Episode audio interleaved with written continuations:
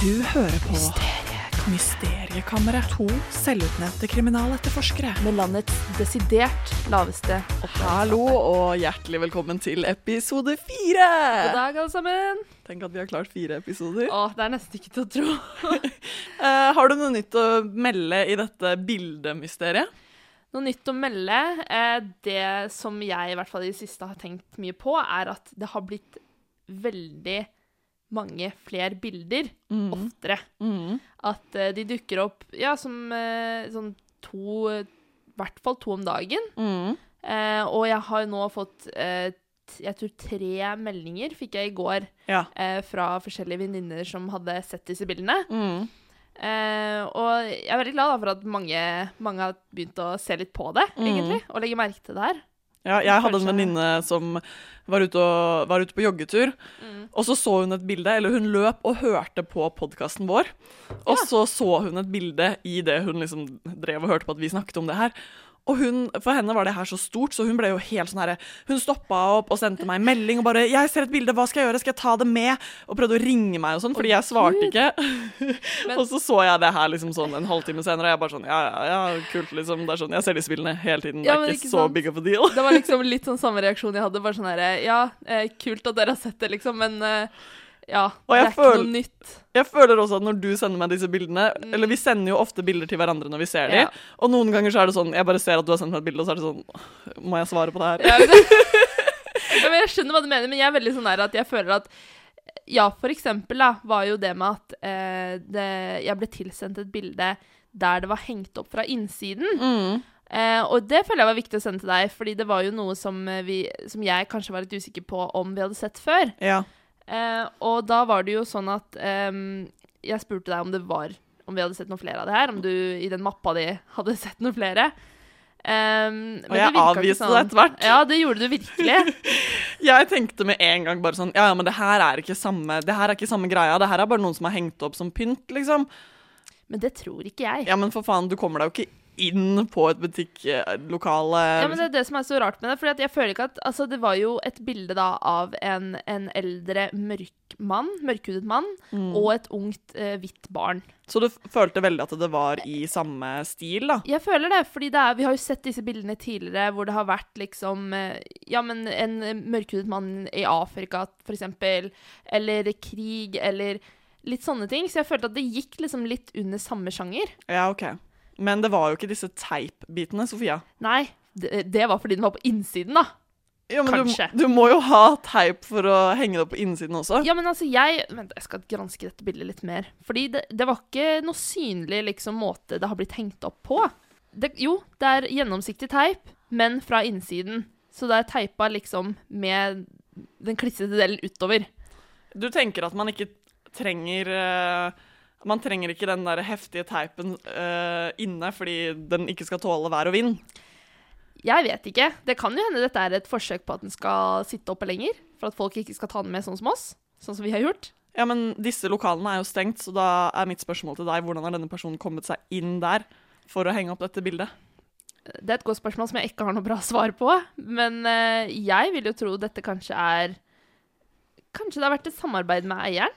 Tidligere eier? Men Sofia, Ja. jeg har gledet meg veldig til denne Jeg podkasten her. ser det i ansiktet ditt. For jeg har faktisk funnet ut noe nytt. Og vi har jo snakket litt om at eh, det ikke ser ut til å være noen andre som legger merke til disse bildene, eller som bryr seg om disse bildene. Oi. Men jeg har nå funnet ut at det er noen andre som er på det samme sporet som oss, som også prøver å komme til bunns i det her. Og hvem er det? Jeg fortalte deg jo at jeg, har, eh, at jeg skrev på Jodel. Eh, Jeg prøvde forskjellige sånne tråder på Jodel. Jeg kan ikke så veldig mye med Jodel, men det er ikke sånn at du eh, Når jeg var på Jodel for noen år siden, så var det sånn, da, da skrev man bare, og så kunne alle se det, men nå må du liksom poste på en, en slags tråd, da. Ja, jeg vet i hvert fall at det er ganske Altså, du må jo være i samme by. Ja, det må du, men så må du liksom være på en måte i en gruppe som heter sånn 'Observert i Oslo', eller okay, Oslo ja. Met, eller BI, eller Jentetips, eller 'Spør en jente'. Ja. Og da uh, posta jeg to grupper. Den ene var sånn Oslo-tips, og den andre var 'Observert i Oslo'. OK. Og nå har jeg da fått svar. Eh, og da var det en som tipset meg om en Instagram-profil som heter Mystiske utklipp i Oslo. Ja, det hørtes jo litt ut som vår greie, det. Ja, og hvis du går inn på den Instagram-profilen, så ser du jeg vet ikke hvor mange bilder som er på den um, profilen, men kanskje 50 bilder uh, som er tatt av disse bildene som henger rundt omkring. Skal vi se 49 Nei, 71 innlegg. Ja, og uh, Instagram-bioen er 'prøver å finne meningen'. Prøver å finne meningen. Og jeg har jo da bladd gjennom alle disse 71 bildene og ser liksom at det er litt folk som driver og kommenterer og sånn. Det er som regel samme person som driver og kommenterer, men jeg, jeg, jeg føler at jeg gjennomskuer de som har denne eller gjennomskuer. Jeg, jeg ser at det her er noen som ikke bruker Instagram på samme måte som oss. Det her er Ja. noen uh, litt eldre mennesker. Eh, definitivt. Man kan jo se det på annet bruken av hashtags. Absolutt. Og der er det veldig mye sånn eh, Who are you? Ja. Um, ja. Men vi deler jo samme lidenskap, da. Vi deler samme lidenskap. Um, og da har jeg også uh, printscreenet noen kommentarer som jeg syns er uh, litt interessante. Uh, og da er det en som har skrevet på ett bilde, f.eks.: Tydeligvis tatt en sterk religiøs dreining i det siste. Er det julen, eller hva? Eller gjennomgår opphengeren vår en stri, strindbergsk dark night of the soul? og så er det også noen som har hengt seg opp i at det er ulik teip, ny teip eller en copycat. Oh. Og så er det også noen som har lurt på at Lurt på om um, når det er svart teip, at det da er sørgeteip. Sørgeteip, ja. Det var jo et nytt begrep for meg. Eh, er det ikke det sånn eh, Hvis man um, spiller fotballkamp og noen akkurat har dødd, så har de sånn Ja. sørgebånd rundt uh, Jo, det er sant. Og da er det gjerne svart, er det ikke det? Jo, det er det oftest. Eller de har i hvert fall sånn svart bånd rundt armen, ja. Jeg visste ikke at det kaltes for uh, sørgeteip. Nei. Og da er det også uh, På baksiden av et av disse, disse utklippsbildene så har denne personen lagt merke til at det er et dikt. Oi. Ehm, og da har han skrevet under uh, Eller det er noen som har kommentert 'enda en ny vri, stilig'. Og da har en annen kommentert 'dette er ikke en ny vri, men baksiden'. Mysteriet blir dypere jo lenger man titter.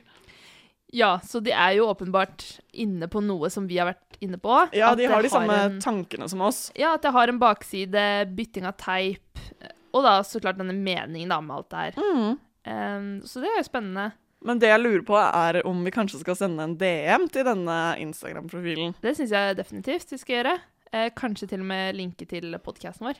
Ja, det var det jeg tenkte. Jeg vurderte så sykt å svare på den der jodeltråden når de bare Ja. 'Har du sett Instagram-profilen?' bla, bla, bla. Så hadde jeg lyst til å skrive sånn 'Har du hørt podkasten Mysteriekammeret?' Bare for å liksom Oh, ja. Eh, gi litt skjult reklame til oss ja, men du, det var veldig, det var veldig lurt. Det burde du gjøre egentlig nå. Ja, skal gjøre det. Eh, men eh, det som er også interessant her, er jo at de har gått inn på begge de sporene vi har vært inn på, at dette med da muligens Y-blokka-bildene, Mm. og at de har med de andre bildene, eh, bildene av eh, Ja. Men eh, jeg har tatt med meg et Y-blokka-bilde. Uh, Og jeg har funnet ut Det var dårlig research av oss eh, forrige gang, fordi det her er jo åpenbart ikke et polaroidbilde, men et postkort. ja. Og bak på dette postkortet så står det Y-blokka, tegnet av Erling Viksjø. Så det Ja. er jo Y-blokka. Ja, det er jo det, men det hadde i hvert fall noe rett. Mm, ja, det er sant. Men eh, postkort, ja. Mm. Det kunne jo Og disse har jeg fader meg sett mange steder nå, altså. Men de Blir de solgt noen andre steder enn i blokka, tror du? Eh, Det er eh, et godt spørsmål. Men jeg tror helt klart at dette her ikke er samme person. Du tror det? Hvorfor, hvorfor tror du det? Jeg tror, jeg tror ikke det er det. Ja, hvorfor tror du det at det ikke er samme person som henger opp de bildene? Åh Jeg vet ikke. Men eh, hvorfor skulle det være det? Nei, altså jeg tenker Siden det er så likt konsept Mm. Altså bare at da denne Y-blokka, de- disse postkortene med Y-blokka har et tydeligere politisk budskap, da. Mm. Um, men jeg ser ikke bort ifra at de kanskje kan være samme person, eller i hvert fall én i den gruppa Mm. eh, av personer, da. Det er kanskje en i gruppa som har freestyla litt og har eh, valgt å gå litt sin egen vei, og alle de sant? andre er skikkelig sur på den personen. For det er sånn, det var ikke det her som var avtalen.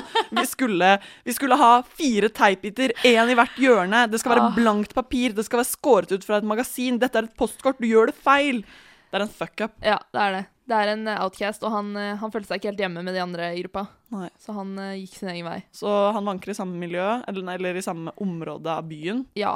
Men det som også var interessant med den Instagram-profilen, var at det, på alle Insta-bildene så er det um, også geotagget hvor det er funnet. ja. Så da ser du liksom Bjørvika, Majorstua Ja. Jeg så også når jeg bladde fort gjennom meg, at det var på Grønland. Ja. Der har ikke jeg vært så mye Der sett. har ikke vi vært. Nei. Så det er jo åpenbart hele Oslo Hele som eh, blir eh, si, angrepet av det her. Ja. Ah, du, Sofia, jeg bare ser så sykt for meg at eh, sånn om noen måneders tid så er det sånn stor reportasje i D2 eller noe sånt om det her, og så er det sånn ah, fader, det var vår, det var vår greie. Jeg vil komme til bunns i det her, liksom. Ja, men det, det må vi jo gjøre. Ja, Det er vår oppgave. det er vår oppgave. Men ja, da er det jo Nå som vi har litt flere ledetråder, litt flere folk som snakker om det her, Mm. hva tror du er steget videre? Uh, sende den DM-en, Mm. og så Jeg er jo veldig interessert i å kontakte denne personen med bilde fra innsiden. mm. Det føler jeg har blitt en veldig sånn åpenbaring for meg. Jeg bare tror ikke at den personen vil eh, snakke med oss, Tror du liksom. For jeg tror den personen gjør det fordi han vil være mystisk, liksom. Han vil jo ikke bli tatt. Men samtidig, altså Hva med, hva med å anonymisere han, da? Ja, ja. ja, ja. Ja. Det, det kan vi gjøre, men Altså, ja, ja, alt av info Det kan jo hende at den personen også blir litt trigget av å få oppmerksomhet. Ja, som jeg har vært inne på tidligere, det er jo Vi tror at dette er mye, har mye med eh, oppmerksomhet å gjøre. Mm. Og jeg tror da at det kan jo fort hende at da denne personen har vært inne på denne Instagram-siden Denne personen vil, blir jo sikkert glad over Mm. at folk snakker om det her, da. Mm. Det er sant, det. Jeg tok med meg et uh, bilde Ja. som jeg kan vise deg her. Fint. Uh, gjorde litt research. Eh, tror at dette er prins Charles i ung alder. Uh, og på baksiden så kan man se hvordan type magasin dette er uh, skåret ut fra. Um, og da er det veldig tydelig at dette er et gammelt magasin, et gammelt motemagasin. Og nederst i hjørnet så står det jo ofte hvilket magasin det er, og dette magasinet heter Dressen.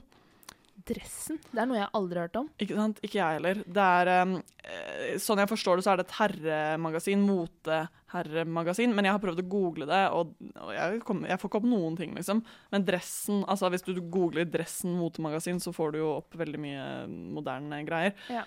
Men jeg føler at når jeg leser bakpå, så kan jeg forstå Eller så, så virker det som at det er et språk fra en annen tid, på en måte. Jo, jo, men jeg, jeg ser den. Kan jeg få en nærmere kikk? Mm. Passer det over bordet her nå? Yes. Ja.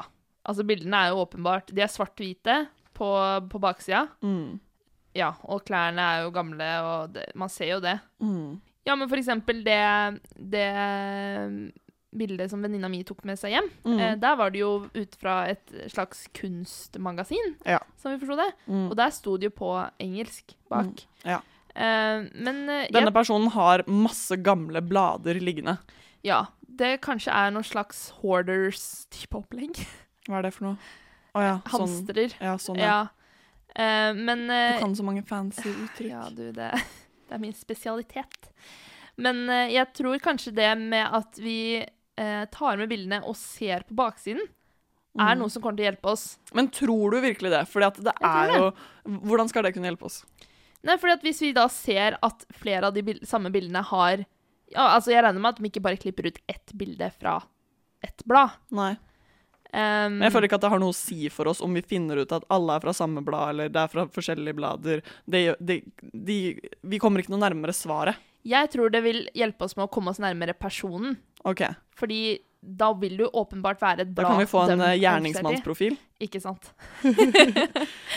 Men eh, føler du um, ikke nå at eh, det er mye som indikerer at dette er en eldre person? Jo, det gjør det. Mm. Um, men jeg vil ikke trekke noen konklusjoner helt ennå. OK, men hvis du skulle lage en eh, gjerningsmannsprofil nå Å nei. Jo? OK.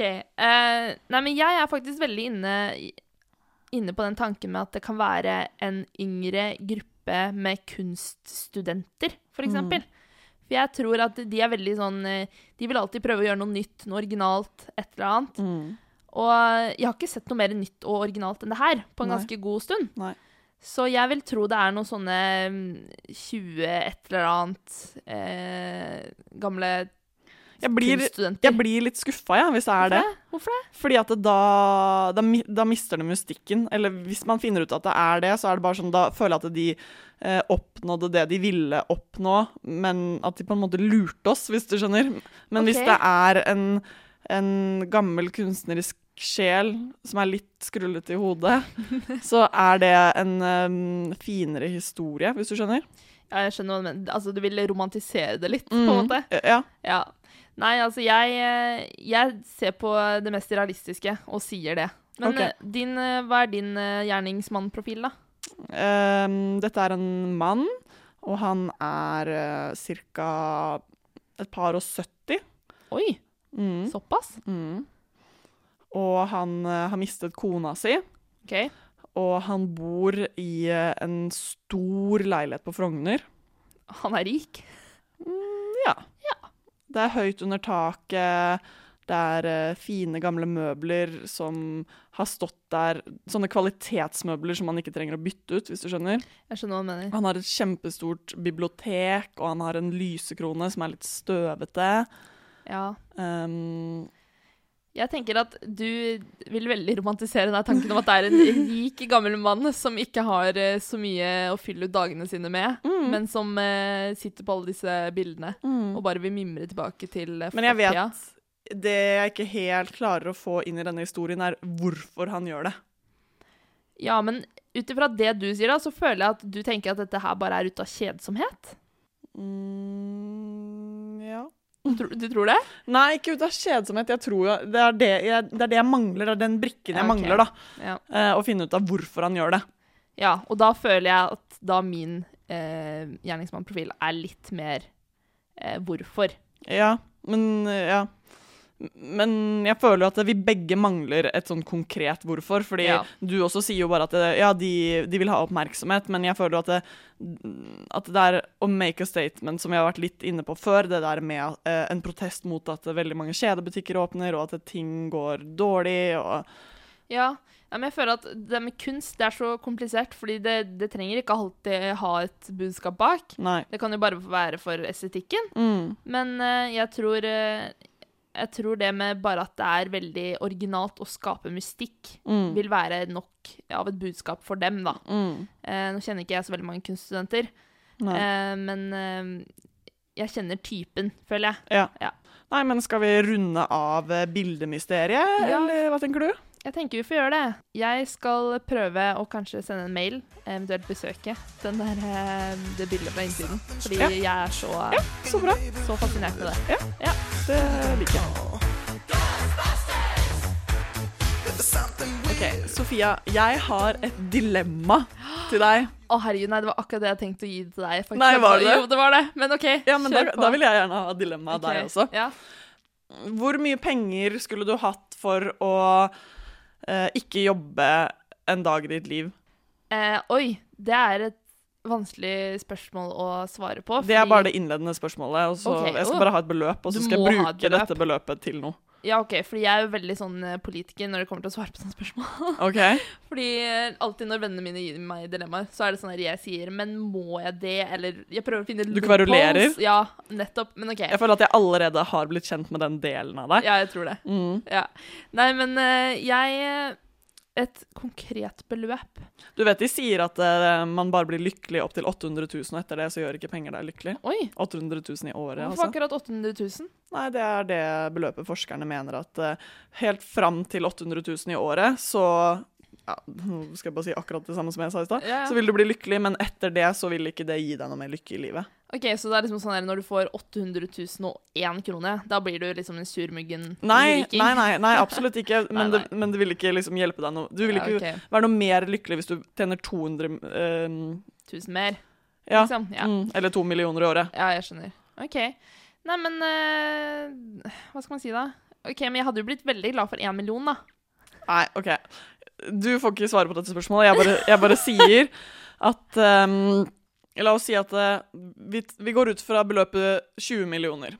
OK, greit. Det var det du forventa at jeg skulle svare, liksom? Nei, ja, eller altså én million, og så skal du aldri jobbe en dag i ditt oh, ja, liv igjen. Okay. Hvordan skal du klare deg da, lurer jeg på. Da må du investere disse, denne én millionen jævlig Ja, men godt. ikke sant? Jeg må fortsatt jobbe litt, da. Nei, men for hele poenget er at du skal ikke trenge å jobbe. Altså, og da er jo ikke 20 millioner heller Nei, okay. egentlig så veldig mye. Nei, OK, jeg føler du må stille spørsmål på nytt. Fordi, som sagt, jeg eh, liker ikke å ta, ta noe for god fisk, holdt jeg på å si. Ok.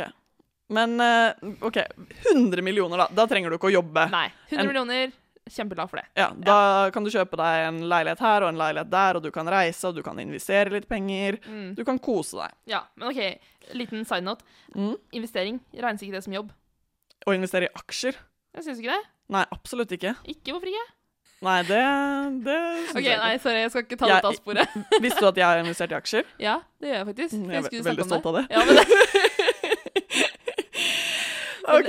ja. Men ja, fortsatt. poenget er Poenget er Jeg har 100 millioner som jeg er villig til å gi til deg. OK. Men hvis du tar imot de 100 millionene, Mm. så vil et menneske dø. Og det vil være et helt random menneske et eller annet sted i verden, men ett menneskeliv vil gå tapt hvis du tar disse 100 millionene. Tar du de? Å, herregud. Det første tanken, eller eh, hodet, mi, hodet mitt gikk til, var nei. Fordi jeg, selv om jeg hadde hatt alle de pengene, så hadde det fortsatt gått så på samvittigheten min at jeg var ansvarlig for et tapt menneskeliv. Men eh, samtidig, jeg tenker altså Hvis jeg ikke Folk dør jo hele tida. Jo, men ikke sant, og jeg tenker sånn herre Dette kommer til å høres helt jævlig ut, men jeg tenker hvis dette er da en person som er på death row, da, altså har fått dødsdom i f.eks. USA, Mm. og han bare dør litt før, Mm. hadde det tatt veldig skade da, liksom? Nei, eller hvis det er noen som lever i ekstremt fattigdom og holder på å sulte i hjel anyways, på en Mm. måte. Ja. Men det er jo det som er dilemmaet her, da, er at du kan ikke bestemme hvem det er som skal dø, ikke sant? Nei, det det er jo er det. jo en helt tilfeldig person. Ja, og jeg hadde nesten, tror jeg, følt meg verre om jeg skulle bestemt hvem det var. Ja, for hvem er du til å si hvor mye et menneskeliv er verdt? Ikke sant? Nei, men altså Da må jeg snu på den. Hadde du gjort det? Eh, nei. Du hadde ikke det? nei for jeg hadde, fordi at jeg hadde alltid tenkt hvem var den ene personen, Mm. og så hadde jeg måttet komme til bunns i det, og jeg hadde, det hadde gnagd og gnagd og Ja, gnagd, og jeg tror ja. ikke at jeg kunne blitt lykkelig med alle disse pengene fordi jeg hele tiden visste at det var på bekostning av et menneskeliv. Og som sagt, du blir jo ikke lykkelig etter 800 000 i året. Som sagt, vi kommer tilbake til den.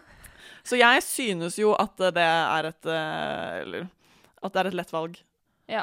Men jeg har et enda vanskeligere dilemma. Å, kom med det. OK. Jeg kommer til å suge på svaret på det, men OK.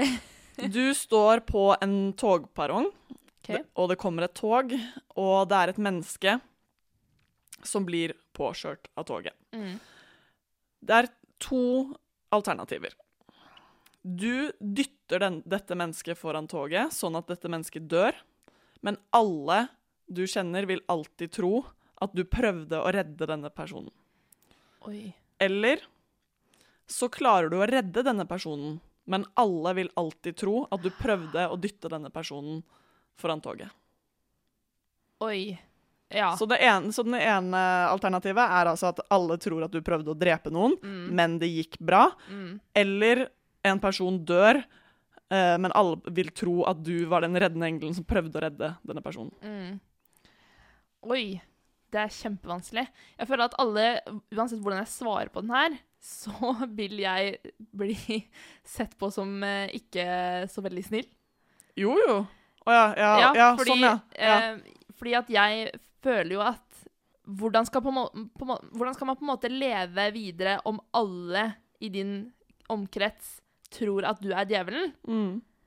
Eh, og samtidig, hvordan skal man kunne leve med den samvittigheten? Ja. Hvordan skal man kunne leve med at uh, du er grunnen til at noen døde? Ja, er men alle andre tror at du er Jo, ja. men da kommer jo det til å liksom spise opp på deg selv, da. Jeg tenker at uh, livet ditt er ødelagt uansett utfall, hva du velger, Ja, på en måte. ikke sant? Det er det som er så vanskelig. Mm. Så det er uh, å velge mellom pest og kolera. Ja takk, begge deler. Nei, men om jeg måtte velge igjen Mm. Nei, jeg hadde ikke klart å leve med den Jeg hadde ikke klart å leve den samvittigheten. At du hadde drept en person. Ja. Nei. Eh, så da får heller Så da måtte du heller stå i at alle trodde du var drapsmann, og så visste du i ditt eget hjerte at du ikke var det. Ja, men nå skal jeg komme med min typiske sånn der dilemma Mitt dilemma-motsvar. Kverulant. Ja, ikke sant? Eh, hadde jeg havnet i fengsel, hadde jeg fått noe som helst konsekvens for det her, annet enn at folk ikke syns jeg er et godt menneske? Eh, nei. OK. Men da kommer jeg igjen. Fordi hvis jeg da flytter til f.eks. India, da, der ingen kjenner meg Mm. Ja, ja, jeg skjønner hva du Ja, mener. hadde- Men, men hadde du valgt India da? Ja, men OK, da. Et USA, da, eller noe. men, Ja, OK. ok. Eh, ja, så da må vi jo adde til det her at det, det blir um, internasjonale medieoppslag OK. for det her.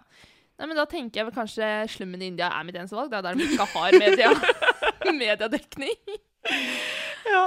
Nei, jeg føler jo liksom at det er eh, At det er de som sier at eh, Nei, jeg ville da ha reddet personen, men alle hadde trodd at jeg prøvde å drepe personen. Ja. At de er skikkelig gode mennesker.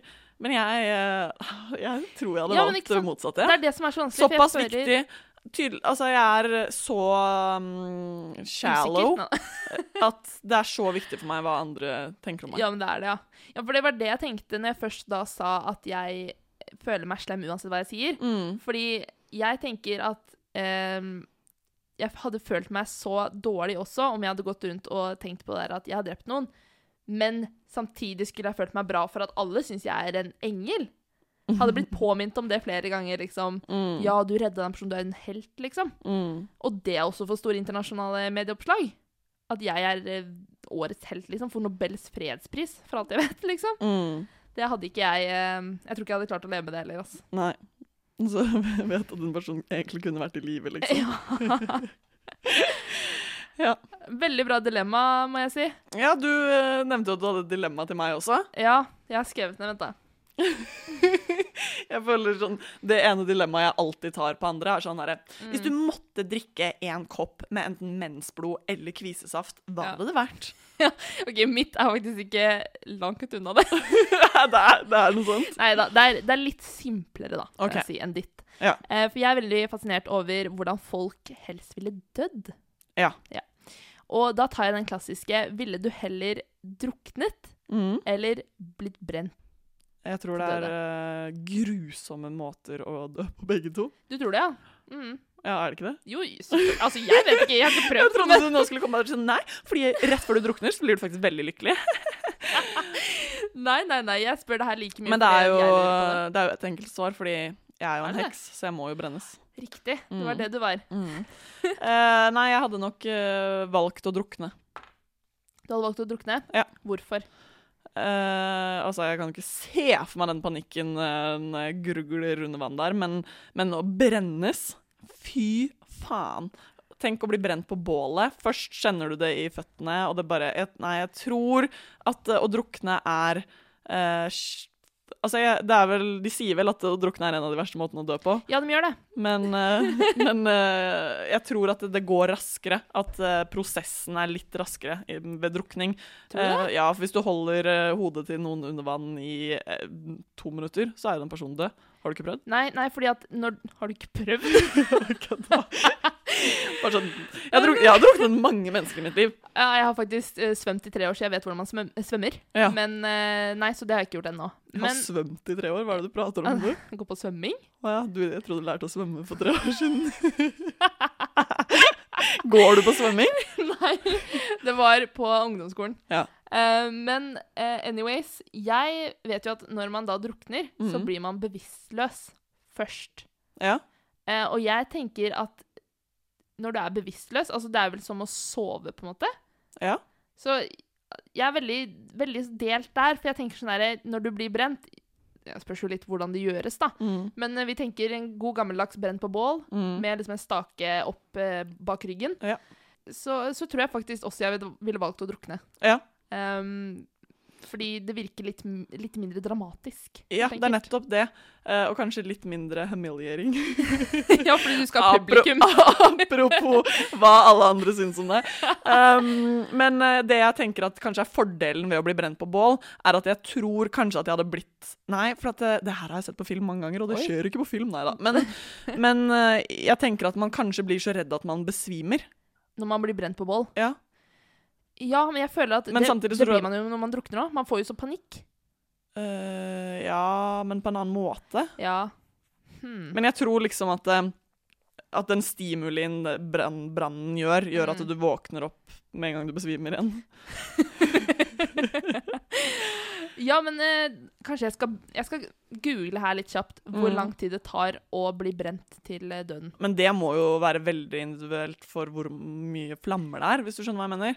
Jo, Altså, Er det et stort bål, er det et lite bål, er det et pinglete bål som liksom sakte, men sikkert Ja. piner deg, eller blir du kasta Ja, inn det- i flammene? ja, liksom blir du dusja ned med liksom tennvæske.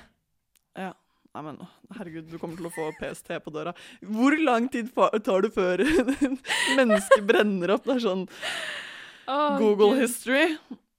Det er det, vet du. Um, Men eh, aller helst ville jeg jo fryst i hjel. Fordi det oi. Ja, men det er en veldig behagelig måte å dø på. fordi at det, når du fryser i hjel, så kommer du til et punkt hvor du blir så varm, og du får sånn euforisk lykkefølelse at du begynner å kle av deg og sånn. Visste du ikke det? Nei. Nei, det er en av de mest behagelige måtene å dø på. Oi! Mm. Ja, fordi at det er vel sånn der at når, eh, når for eksempel eh, humre Mm. blir kjølt ned, Mm. så sovner jo de. Er det ikke Mm. noe sånn, da? Det vet jeg. Jeg tror det. At de, eller dyr, da, når de blir frossen frosset ned. Mm. Frosset den i levende, liksom. Ja, ja, men bjørnen går jo i hi over vinteren. Hæ? Hæ? Nei, men den, den våkner jo opp igjen. Den dør jo ikke. Nei, nei, nei, nei, det var ikke det jeg tenkte på. Feil. Jeg, vel, jeg tenkte sånn der, jo, når du er ute på fjelltur Men har du ikke lært det, at hvis du er ute på fjelltur og du holder på å fryse i hjel, og du plutselig kjenner at du blir varm, så må du ikke tro på at du blir varm, fordi da er du så varm at Eller da, Ja. da fryser du så mye at du holder på å dø. Ja, men samtidig så er det jo også en teknikk når du er ute på fjelltur, eller driver og bestiger en, eh, liksom et isfjell, Mm. så skal du jo grave en snøhule, Mm. og så legge deg nedi der. Ja, fordi at varmen eh, Da isolerer du varmen. Nå er vi så jævlig langt ute. Dette blir rart Men å, vet du hva, det, det her å, Når du begynte å si det her, at Ja. eh, man går, er ute på fjelltur og Ja. sånn, så bare kom jeg på én ting som jeg må ha svar på i livet mitt. Okay. Som jeg eh, tenker på fra tid til annen. Um, Og du tror jeg er den personen som kan svare på det? Eh, nei, Nei. Det, jeg vet at du ikke er det, men jeg vil bare, jeg vil bare dele dette med deg, for at det er noe som har plagd meg um, siden det skjedde. Kjør på. Um, jeg, når jeg var sånn Jeg kan se for meg at jeg var sånn 10-11 år, kanskje. Mm. Og så var jeg alene hjemme etter skolen, og så så jeg på noe sånn Discovery Channel eller Ja, noe ja. noe. Mm. Og der var det en dokumentar om en far og en sønn som eh, jeg husker, altså jeg husker det her så godt. Det var en far og en sønn som var um, på tur på Mount Everest. Og så gikk de seg bort, og det her ble liksom gjenskapt med skuespillere og sånn. Og så var det snøstorm, og så tror jeg sønnen hadde skadet seg eller noe sånt, og det var skikkelig snøstorm, og de hadde liksom mistet alle de var med og sånn, og de satt i en sånn fjellsprekk og var bare sånn derre Prøvde å um, rope på hjelp, men selvfølgelig det var ingen som fant de, og det var bare sånn Situasjonen var helt låst, det var sånn Vi kommer til å dø, liksom. Så pappaen sier sånn OK, du må bli her. Jeg skal prøve å finne hjelp, liksom. Ja. Åh. Og, jeg, og jeg var så redd. Jeg var jo liksom 10-11 år og var helt sånn skrekkslagen. Altså, det her var jo helt sikkert aldersgrense 15 år. Ja, helt. Men um, i hvert fall så går han, pappaen altså Da hadde vel snøstormen gitt seg, da, men da var jo alt snødd igjen, sporene var borte. Og han går og går og går, og så kommer han til et sånn forlatt eh, hytteområde, hvor det er noen hytter, men det er helt tydelig at det har ikke vært folk der på mange, mange år. Uh, og han um, Han knuser den ene ruta og um, bryter seg inn i den ene hytta, og så finner han én fyrstikkeske med én fyrstikk oppi. Og han tenker at OK, jeg må, jeg må klare å fyre i peisen her, for da kan jeg hente sønnen min tilbake Å hit. nei, å nei, jeg hadde aldri klart det. Jeg hadde aldri klart det. Og så Det går jo selvfølgelig ikke an å få fyr på denne fyrstikken, fordi den har jo ligget der i mange, mange år. Eh, Så han finner da ut at han bare skal liksom slappe av lite grann, så han legger seg ned på senga. Og når han våkner igjen, så er foten hans helt frossen. så han kommer seg ikke opp av senga igjen. Og jeg tror at eh, jeg ble så redd at jeg liksom måtte skru av på dette tidspunktet. og for alltid så har jeg lurt på hvordan det, det endte. og jeg, jeg, har, jeg har hatt mareritt om det her, og det er, sånn, det er så mange år siden, og jeg tenker fortsatt på det. Og jeg tenker at jeg bare må finne denne dokumentaren for å få svar på det her, fordi det er liksom noe i livet mitt som jeg kan rett og slett ikke gå videre før jeg finner ut om denne sønnen Om noen noen gang fant han. Men det er jo så dumt. Og, altså, hvorfor kunne ikke bare da sønnen bli med? Nei, ja, da, nei, men han var vel skada, da. Og det var jo det var jo ikke sånn at han kunne bære med seg sønnen, sønnen. Fordi sønnen var jo sånn 14 eller et eller annet sånt. Liksom. ja. Å, herregud. Men å, ja. Det vi skal lære av det her, da, er å aldri gå på tur. Hva kan du ramse opp fjellvettreglene for meg, Sofia? Å, herregud, fjellvettreglene? Mm. Nei. Det er det som står på innsiden av Kvikk Ja, det er vel sånn herre Ut på tur, aldri tur. Nei, nei, nei. Det er sånn meld alltid fra hvor ja, du går. altså, ta Det er aldri for sent. og- Nei, nei, det er ikke Jo. ta med søpla di. Er det da vel? Nei, det er jo, jo, sånn for å jo, Greta Thunberg innførte det her nå.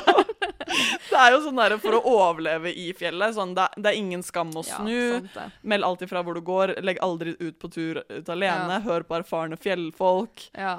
Ja. Jeg tror sist gang jeg var på tur, var når vi hadde sånne felles liksom, turer sammen med barneskolen. Når vi måtte stå på ski. Du er halvt svensk, vet du. Ja, det er det, vet du. Og så kanskje til det beste av alt, Sofia. Ja. Fordi vi har vært på writeaprisoner.com siden sist. Det har vi, og vi har utforska siden. Og jeg vil bare nevne først, eh, nå som eh, vi nylig snakka om Jeffrey Dahmer, så vil jeg bare si at han eh, fikk mange brev men han, mens han var i fengsel. Ja. Eh, og dette inkluderte da 12 000 dollar Hæ? med penger i disse brevene. Og her, det var noen som sendte han penger? Sendte han penger fra hele verden. Men hva i alle dager skulle han bruke disse pengene til? Godt spørsmål. Det er jo sånn liten Det- kiosk, vet du, ja. i, uh, i fengsel. Han Ja, bare men- crazy Ja, har, der. du ikke, har du ikke sett Orange is the New Black? Jo. Der du driver med sånn Akkurat det. smugling. Ja, så kan man kjøpe sånn en og en sigarett og sånn. Men herregud, det er jo sikkert folk som smugler dop og sånn inn i fengsel. Og, Selvfølgelig. så. Spesielt i USA. ja, og, og telefoner og sånne ting også. Ja, ja, herregud. Man har jo sett et, alt dette på Orange is the New Black. Ja, ja. Men uh, jo, denne, disse brevene inkluderte blant annet uh, gaver som kom så langt som fra Sør-Afrika og Frankrike. Ja. Eh, og eh, det inkluderte også én singel eh, donasjon fra en eh, dame fra London, mm. eh, hvor det var 5920 dollar. ja. Tenk å bruke 5920 dollar på en mann som sitter i fengsel. Men altså, dette er jo ikke noe nytt. Uh, Ted Bundy fikk masse frierbrev. Anders Behring Breivik Ikke lov til å si navnet hans. Han har også fått masse frierbrev i fengsel, liksom. Hva er denne fetisjen? Eller kanskje ikke fetisjen, men bare hva er denne greia? Nei. Jeg er sykt spent på å høre ja, om du koste deg på denne siden. Jeg gjorde det. Eh, og jeg, det tok litt tid før jeg fant ut hvordan man eh, ser hva de er dømt for, dømt for Ok. og litt sånne ting. For det skjønte jeg med en gang. Eller ja, jeg, bare, det, ja. bare skanna siden for det. Ja, ok. Ja, fordi jeg eh, Man kan jo da på denne sida eh, velge alder Ja. til og fra. Gi en kjapp recap av hva denne siden Ja. er, hvis man ikke har hørt forrige episode. Uh, ja. Writerprisoner.com er en eh, amerikansk side uh, hvor man kan da få seg en brevvenn som er en innsatt i USA. Uh, og da har de et slags filter øverst på sida, hvor du kan velge alder til og fra. Um, du kan også velge hvor lenge de har eh, sonet dommen sin. La du merke til at man kunne gjøre sånn advanced uh, search? Det så jeg. Ja. Og tro meg. Men også så kunne velge hvor de skulle være fra, hva de var ute etter. Det står jo i disse bioene til de innsatte hva de er på leting etter. Ja. Oftest. Jeg er veldig spent på hva du uh, puttet inn i uh, hvordan, hvordan søket ditt så ut. Ja, Siden jeg da skulle finne en som satt inne på livstid, Mm. så eh, fikk Og det kunne jeg man også velge. Det kunne man. Mm. Eh, men det skjønte ikke jeg helt først. Nei. Så jeg fikk eh, gå inn og søke Jeg tror jeg satte inn alder 25 til 50. Mm. Eh, og så tok jeg da eh, allerede sonet dom. Var Mm. fra eh, 20 år, tror jeg, til 50. Oi, at de allerede hadde sittet inne Ja, i 20 år? Jeg gjorde det, for jeg trodde dette var den eneste måten å finne at de har Lives, ja, ok. at de har sittet inne lenge, da. Eh, men så tenkte jeg også til meg selv sånn herre Ja, 25-åring som har sittet 20 år i fengsel, det blir kanskje litt dumt. Ja. Men ja, jeg søkte på dette, da. Og eh, det var jo Først så ville jeg bare liksom se litt hva disse profilene, eller hvilke typer, som var på denne sida. Mm. Og da fant man jo veldig mye forskjellig. Mm. Eh, den første jeg tror jeg klikket meg inn på, var en person som hadde hvilket stjernetegn han, hadde, han var i Ja. første setningen sin. ja. Og da tenkte jeg dette er mannen i mitt liv. Er du eh, interessert i horoskop? Ja, Ja. det er jeg. Mm. Fordi jeg syns det er skikkelig gøy. Mm. Um, hvilke stjernetegn er du, forresten? Hva tror du? Oh, hva jeg, tr jeg tror enten du kan være en Leo, eller Altså eh, løven. Mm. Eh, eller en eh, Kanskje Vern? Jeg syns det er gøy at du sier Leo, fordi jeg identifiserer meg som en type Leo. ja. Men eh, nei, jeg er en tyr. Du er en tyr, ja. Mm. Men det kan jeg også se, fordi du er veldig Jeg føler at du er veldig strukturert, på en måte. Du har liksom eh, Mm. tingene dine på plass. Ja, det er nok mange som ville vært uenig i. Okay. Jeg identifiserer meg ikke så veldig mye som en tyr, fordi um, en tyr er vel veldig sånn glad i litt sånn faste rammer og sånn. Jo, til en viss grad. Ja. Men det jeg vil legge til da, siden jeg er litt sånn horoskopnerd, Mm. så er det veldig viktig å legge inn Jeg har en sånn app som heter CoStar, Jeg også. hvor man Du har det, ja? Ja. Bra! Flink jente. Så da tenkte jeg at du har jo sikkert sett inne på din chart. ja. Fordi der vil jeg da tro at det ligger noe løve eller noe Aries inni der. Uh, ascendenten, er det det du snakker om? Nei, jeg tenker egentlig alle. OK. Uh, fordi ascendent er vel uh, Vet du hva ascendent er? Ja, ja. Kan du beskrive det for lytterne våre? Fordi jeg er ikke helt uh, ram på disse. Men det er vel, det er vel litt mer sånn, sånn som du presenterer Er er ikke liksom stjernetegnet ditt det du føler deg som inni deg, og så er ascendenten det du kanskje liksom viser til verden? Er det noe sånt? Eh, Ascendenten er hvordan du presenterer deg selv til folk. Ja. Din maske, da. Mm. Eh, quote on quote. Um, Så det er kanskje mer sånn andre kjenner deg, da, det er det. Hva tror du jeg er? Nå ble jeg veldig interessert. Jeg vet at du snart har bursdag, men jeg kan jo, jeg kan jo ikke Du kan ikke månene. månedene. Og jeg kan heller egentlig ingenting om det her. Det er bare fordi at jeg har jo mange venner som er interessert Ja, ja, i det. Så jeg jeg har fått... Det. Men eh, nei, så jeg vet ikke. Hva er du? Jeg er vannmann. Hva er typisk vannmann? Typisk vannmann er kreativ. Kanskje litt sånn ønske om å være unik. Ja. Um, Det er du jo. Ja, Mm, det passer jo. Ja, men du er både kreativ og unik. Det er, mm, takk. Eh, og jeg eh, har veldig mye fisken i meg, som innebærer at jeg er veldig følsom og empatisk. Ja. Mm. Så ja. men jeg har ascendent i Scorpio. Du har det, ja. Mm. Men der ser du, vet du. Der er Mm. den. Den ambisiøse, den fiery, passionate. Ja, og det, Den kjenner jeg meg litt igjen i. Ja. Men eh, ja, ja, nei, jeg kjenner meg ikke så fælt igjen i Tyr, for Tyr også er vel veldig tålmodig, og det er det én ting jeg ikke er, så er du tålmodig. Ja. jeg er jo utålmodigheten selv. Men ikke sant, da vet man at bare, du kan ikke bare se på hovedtegnet ditt. Du Nei. må også se andre, hvilke andre faktorer som spiller inn. Mm. Ah, har du noen gang vært på sånne readings? Nei, men jeg så lyst. Ah, jeg, var, eh, jeg gjorde det med en venninne i New York, men oh, jeg, ble så, jeg ble så skuffa. Nei, hvorfor det? Fordi jeg følte at eh, hun bare feila helt på meg. Tror Hun sa at jeg var negativ. Jeg ble så offended. og jeg ser ikke på meg selv som negativ. eh, Kanskje Scorpios har litt dårlig selvinnsikt? Kanskje. Absolutt. Ja. Nei, men eh, hva skal jeg si? Eh, nei, jeg har en venninne som driver med sånne tarot cards. Oh, Så det er hallo, kjempegøy. kan, kan hun komme hit og legge kort Det på hadde meg? vært så gøy. Ja, Ja. Neste, I neste episode. nå. Jo, jo, men føler du ikke at horoskop er litt sånn inne, inne i true crime? Vi kan jo snakke om The Zodiac Killer. Oi, er det en, er det en Hæ? Fortell. Nei, vi tar det i en annen episode. OK. Keep them wanting more. Ja, ja, ja, følg med. OK, det var avsporing. Tilbake var til Write a Prisoner. Det var det. Uh, ja, nei, men jeg merka dette at eh, mange I hvert fall to som jeg var inne på, da, mm. uh, og jeg tror jeg så det hos noen flere også, at de var Mange av dem var veldig sånn derre eh, Horoskop, litt sånn yoga, sånn selv, Ja. selvutvikling. Ja. Um, Jeg skjønner tror jo at er- man får den ånden over seg når du Du trenger jo noe å holde fast ved. Du gjør virkelig det. Noe spirituelt, Ja, noe en åndelig. motivator. Ja. Så jeg syns jo det var veldig gøy, for der Mm. føler jeg at der er det mye jeg kan snakke med dem om. Ja, ikke sant? Eh, og så fant jeg også da et par som eh, hadde sitter inne på livstid. Ja. Eh, men jeg fant også en person som venter på death row. Ja, for at det var et filter. At du det. kunne få bare folk som var på death row. Eh, så jeg var inne på de, og jeg syns det var nesten litt fælt, jeg, å være inne på det. Fordi ja. uh, vi ble jo enige om at vi skulle snakke med én hver. Mm. Um, og etter at vi ble enige om det, så kicka litt det moralske passet mitt inn. og tenkte det, ja. ja, det var litt sånn at jeg begynte å tenke sånn OK, er det her helt etisk riktig at vi liksom bare skal gjøre det her som en gøy greie? Og så sitter faktisk disse menneskene inne, og det kan bety veldig mye for dem å få et brev, og så tenker vi kanskje litt på det som en sånn one time thing, og tenker egentlig at det er ikke noe jeg skal opprettholde, men så syns de kanskje det er drithyggelig å få dette brevet, og tenker at Ja. man skal få en relasjon, liksom. Ja, på den ene siden så tenker jeg sånn der, de er vel sikkert glad for hvem som helst å snakke med dem og ville Mm. være interessert i dem.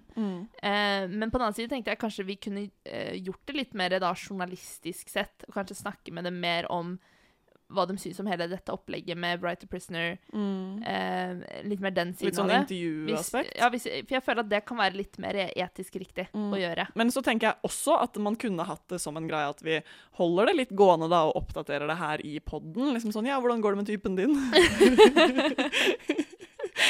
Ja, men jeg, jeg syns det. Fordi det er noe som eh, Noe som jeg syns virker veldig spennende Mm. å holde på med, egentlig. Ja. Eh, men ja, jeg er litt redd for den derre at eh, fiskende delen i horoskopet mitt skal komme fram. At jeg blir veldig Veldig dedikert til det her. Ja, ja ok. Ja. Eh, veldig sympatisk for denne personen. Ja. Jeg syns det er veldig fint å høre at du bryr deg om disse menneskene. eh, Fordi jeg er liksom redd for at jeg kan eh, bare ha en litt sånn kald tilnærming til det og tenke Mm. at jeg ikke gidder å opprettholde det, liksom. Og det blir jo da feil. Ja, det tror jeg blir litt feil. Mm. Men uh, samtidig, altså, hvis dette skal bli et innslag i vår Mm. podkast, så Mm. tenker jeg det er jo noe vi, vi vil gjøre Mm. og fortsette med. Ja. Så det blir nok ikke vanskelig å holde, holde sitt løfte. på Jeg måte. tror at mange av de som skriver til eh, disse innsatte, er veldig sånn eh, religiøse mennesker som nesten ser på det litt som sånn veldedighet. At man gjør det Mm. istedenfor å jobbe frivillig, liksom. At man gjør en god gjerning. Tror ikke du Mm. det? Jeg tror det kan faktisk være realiteten, men da kanskje det blir litt Det sånn God is giving you a new chance. Da blir det kanskje litt refreshing Mm. av å få noen som Mm. ikke kommer med liksom Guds budskap Mm. klint i trynet deres. Men uh, når du scrolla gjennom profilene, hva var det du lette etter? Jeg tenkte, jeg tenkte bare Jeg må finne en digg en. Jeg bare, Eh, jeg bare scrolla og scrolla og scrolla og var sånn her Faen, det er ingen kjekke her! Han må være kjekk, liksom! Jeg, jeg bladde også eh, og så litt etter bildene, for Ja, å ja, ja. faktisk være helt ærlig. Men, eh, og jeg fant en ganske så kjekk en. Litt sånn Ashton Kutcher-type lignende. Tenk om vi har skrevet til samme person. Å herregud, det håper jeg ikke.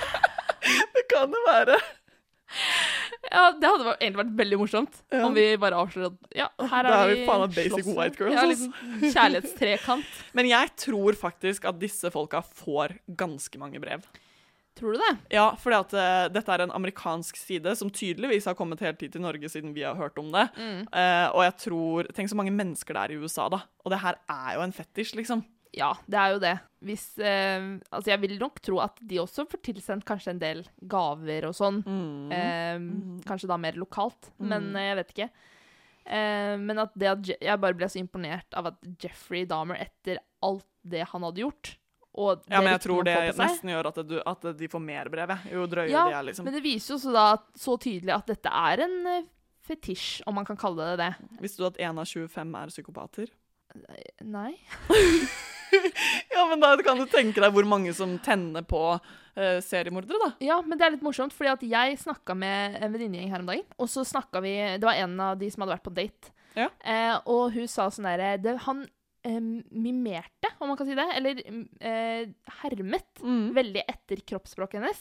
Som for Ok. eksempel når hun tok i håret sitt Ja. eh, for å rette hårbøyla. Ja. Da tok han også i håret, men tok seg selv i å gjøre det, så han tok jo henda ned igjen. Og det sier mange at enten kan være et tegn på at personen da liker deg, eller er interessert i deg. ja, for det var det jeg skulle til å si. Ja, at du speiler speiler denne- den du liker. Ikke sant? Eller at denne personen da er en psykopat. OK. Og jeg syns det er litt fascinerende hvordan de på en måte kan Og så tok han seg selv i å gjøre det, og så liksom Han gjorde det, han gjorde det. Åh. Så ekkelt. Ja, men samtidig, jeg tenker sånn Eller smingrende. Ikke sant? Det er jo det man ikke vet. Mm. Er dette bare fordi at han kanskje er litt nervøs? Kanskje er litt sånn derre Og den, dette var en veldig pen jente. Mm. Eller er han sånn derre Jeg vil liksom skrelle av deg huden din. Med en ostehøvel. Med en ostehøvel. Norskt. OK. uh, ja, nei, nå mistet jeg tråden litt. Ja, hva, var det egentlig vi, hva var det egentlig vi snakket om? Eh, vi snakket om Rider Prisoner. Jeg syns det var veldig vanskelig å holde meg til at, de, at han skulle ha ranet en butikk. Men det skjønner jeg jo. For det var så få kjekke, og det var veldig viktig for meg at han skulle være kjekk. Men da vil jeg gjerne endre den. Okay. Eh, fordi du ga meg at denne personen skal eh, være på en livs, ha en livsdom. Mm. Da vil jeg endre til deg Ja. at denne personen venter på sin død. Altså sitter on death row. Jeg fant en halvcute en som var satt på death row. Nei. Du, desperasjonen i det her er ganske sjukt. Men jeg syns at det, jeg syns Jeg vet ikke helt om jeg klarer å stå i og snakke med en som er på death row, fordi at jeg får så vondt av det. Jeg er litt redd for Eller det gjør litt vondt i hjertet mitt, liksom. Jeg tenker litt sånn her at måten du kan se det på, er at du kan ikke endre at denne personen sitter og venter på at Men jeg kan gjøre den siste tiden litt bedre. Ja, ikke sant? Er ikke det litt sånn finere måte å tenke, tenke det på? For jeg føler at Jo, det jo. er jo veldig sant. Ja.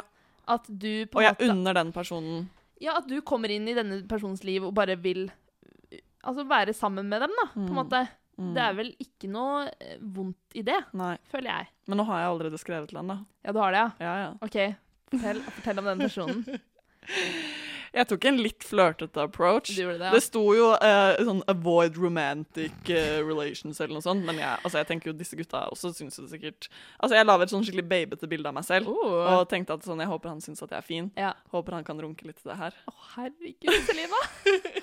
Men veldig snilt av deg. Jeg byr på den. Ja, det må du få lov til å gjøre. Du la ved bildet, du òg? Jeg har ikke, jeg har ikke sendt den ennå. Har du ikke sendt Nei. noe?! Det var jo hjemmeleksa! Ja, jeg vet, men hør her. Jeg um, var så usikker på det her med hvordan vi skulle kontakte dem. Jeg, synes, jeg tenkte bare sånn Ja. at det var overraskende lett. Jeg, jeg tenkte okay. sånn derre Wow, herregud. Altså, for det første så var jeg veldig overrasket over at du kunne få så mye info om dem uten Mm. å det hele tatt lage bruker. Du kan jo til og med se hva det er de sitter inne for, uten å ha bruker. Mm. Og så tenkte jeg sånn Å ja, herregud, trenger jeg ikke bruker? Men når du skal skrive til dem, da må du lage deg bruker, da. Ja. ja, nei, men altså, jeg tenker det at jeg, jeg sender en mail til noen i kveld, OK. eh, så, så vi får noe respons til neste gang. Mm. Em, men uh, ja, jeg, jeg tror jeg har en. Eh, jeg kan, En eh, kandidat? En kandidat. Ja. Så jeg, jeg har jo funnet personer jeg vil Ja. sende til. Ja, for jeg har lagret også fire profiler, og så, sku, Oi. eh, og så skulle jeg eliminere, da. Ja. Og så satt jeg på en måte igjen med to, Mm. og jeg har sendt til han ene, men jeg litt lyst til å sende til han andre ja, men vi også. kan sende til to. Fordi han andre han ser seriøst ut som han var med på Prison Break. Han har masse tatoveringer i ansiktet. Bare Er det din type? Eh, Altså, han så skikkelig sånn bad guy ut, liksom. Oi. Mm, jeg syns det var litt digg. Ja. Jeg er vel litt mer sånn derre Ashton Kutcher-type rom-com-gutter, ja da. Ja, altså Det var en periode hvor jeg hadde på filter at jeg bare ville ha opp uh, afroamerikanere. For jeg følte Oi. at det, det var de diggeste, liksom. Ja. Men han jeg eh, endte med å sende til, han var faktisk white. Oi. Men jeg tenkte kanskje jeg skulle lese hva det var jeg skrev til han. Gjerne. Vil du høre? Gjerne det. Skal vi se. Han heter da eh, Jacob, men han kaller seg for Jake. Uh. Mm. Og det syns jeg er veldig fint med han. Han sitter by the way inne for drap. han har sittet inne siden 2010, og earliest release date er 2034. Og det her høres kanskje litt sånn dømmende ut, men, men jeg syns det var noe um, betryggende med at han skulle sitte inne litt lenge. Fordi at jeg syns at det hadde vært litt ekkelt hvis han liksom skulle ut om to måneder, og så er det sånn Nei, herregud, litt innbilsk, da. Jeg tror liksom at han skal oppsøke meg. OK, okay drit i det. Uh, men ja. Dear Jake, I'm writing to you from Scandinavia. Let me start by telling you a little bit, a little bit about myself. I am a 25 year old girl with brown hair and blue eyes. I have spent some time studying in the US. However, I have moved back home in order to study journalism. Through my studies, I came across this website and I immediately became intrigued. So I scrolled through some profiles and yours sparked my interest. I see you like snowboarding. I do too. I noticed that you mentioned in your profile that you spend your time in prison helping fellow inmates. This made my heart go out to you and triggered me to write you this letter. You seem like a very warm hearted and interesting person. I like that you say that you will answer every question I might have because I am a very curious person. Aka, jeg har veldig lyst til å spørre han om dette drapet. ja. I am a non judgmental person. I hope I will hear back from you and hopefully get to know each other better. Best, Selena. Det var jo nydelig skrevet. Jeg sitter jo her med tårer. For han skriver faktisk i profilen sitt at han eh, I run three different self-help groups here in the prison, and I truly enjoy helping people. Er Ja, ikke det fint? da, funnet, da føler jeg at du har funnet en person som du eh, faktisk kan snakke veldig åpent med. Mm, og det, og det liksom veldig mye av grunnen til at jeg valgte han, var fordi han skrev I am an open book. Any questions you will have, I will answer. Ja, Og jeg bare tenkte sånn Yes! OK, we can get down to business, liksom. Men eh, veldig fint skrevet, og jeg gleder meg til å høre mer, om, mer fra han. egentlig, For jeg føler at han kommer til å skrive tilbake på en veldig utfyllende måte. Men jeg har en, um, en innrømmelse, og jeg skammer meg skikkelig over det. Hvorfor det? Hva da?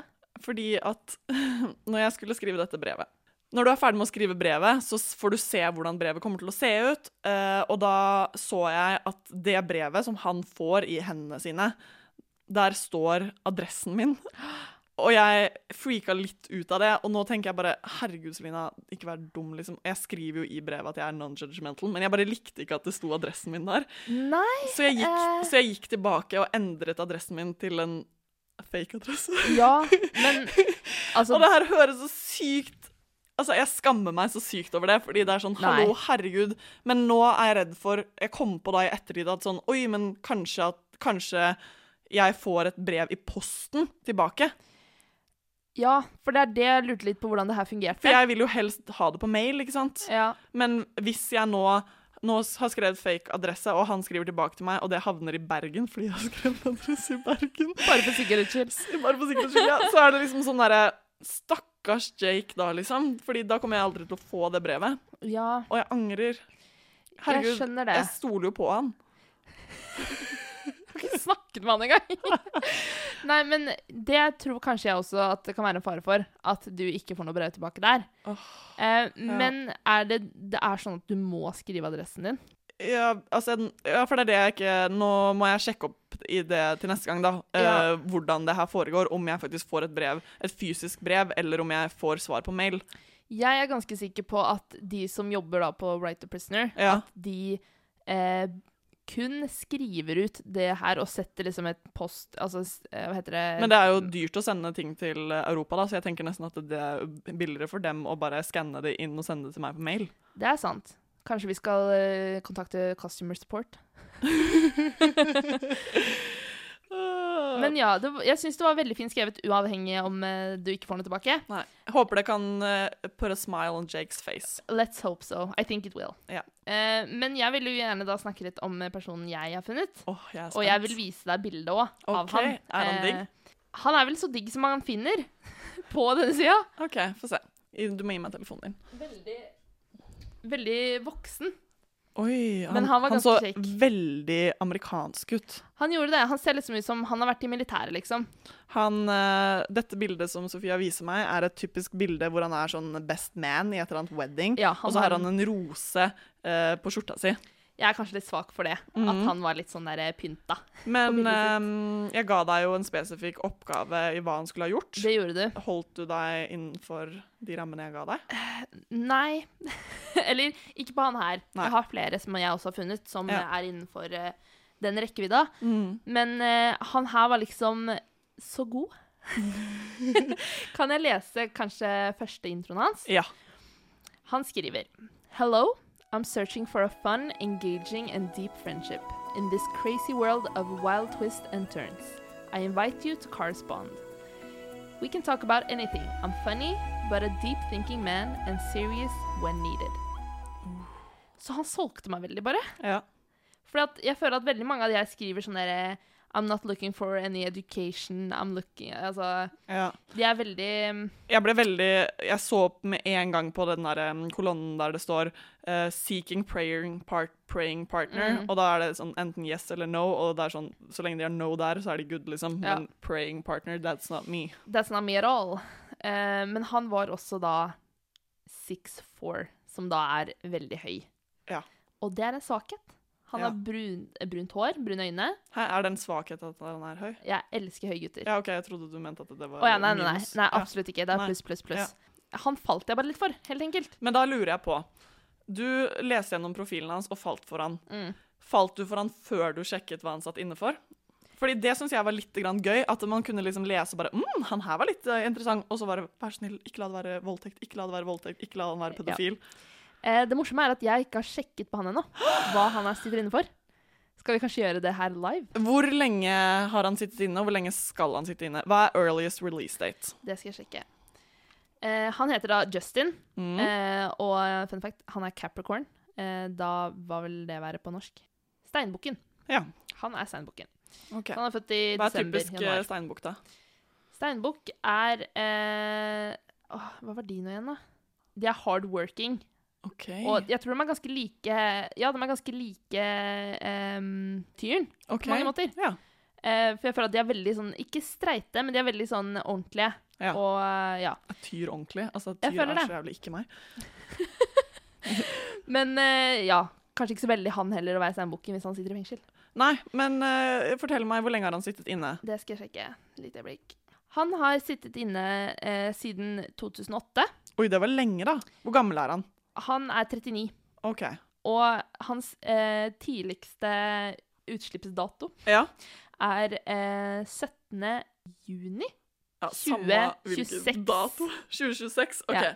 Så seks år, da. Ok, men, men i USA så er det jo ekstremt Nå var jeg litt langt unna mikrofonen. Ja. I, I USA så er de jo ekstremt strenge. Jeg ser jo folk som har fått en dom på 20 år, som liksom har ja, rana en butikk. Liksom. Mm. Det er helt vilt. De er veldig strenge på sånt. Så jeg tror ikke Ja, nei, men hva Vi må finne ut hva han har gjort. Det skal jeg gjøre. Du kan pause. Liker du han uansett? Liker han uansett? Ja. Du har jo falt for han. Ja, selvfølgelig. Man må jo godta alle flaws, alle Hva om han har voldtatt et barn? Eh, Ja. Da liker du han fortsatt. Nei, selvfølgelig ikke. Men det er, det er jeg syns at det, det her er en litt gøy greie med den siden her. Det er kjempeinteressant. Mm. Og jeg liker at det Og det er mange som sitter inne for å ha voldtatt, voldtatt barn. Har jeg kommet over, i hvert fall. Oi, det er det? Ja. Okay. Og så står det gjerne sånn 'rape times three'. Så det er sånn, de har ikke bare gjort det én gang. Ja, eh, da skal vi se her hva han sitter inne for. Hva håper du på?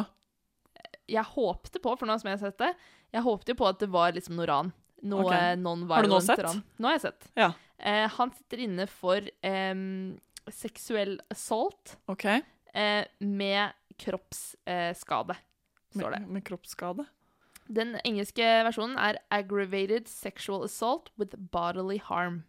OK, shit.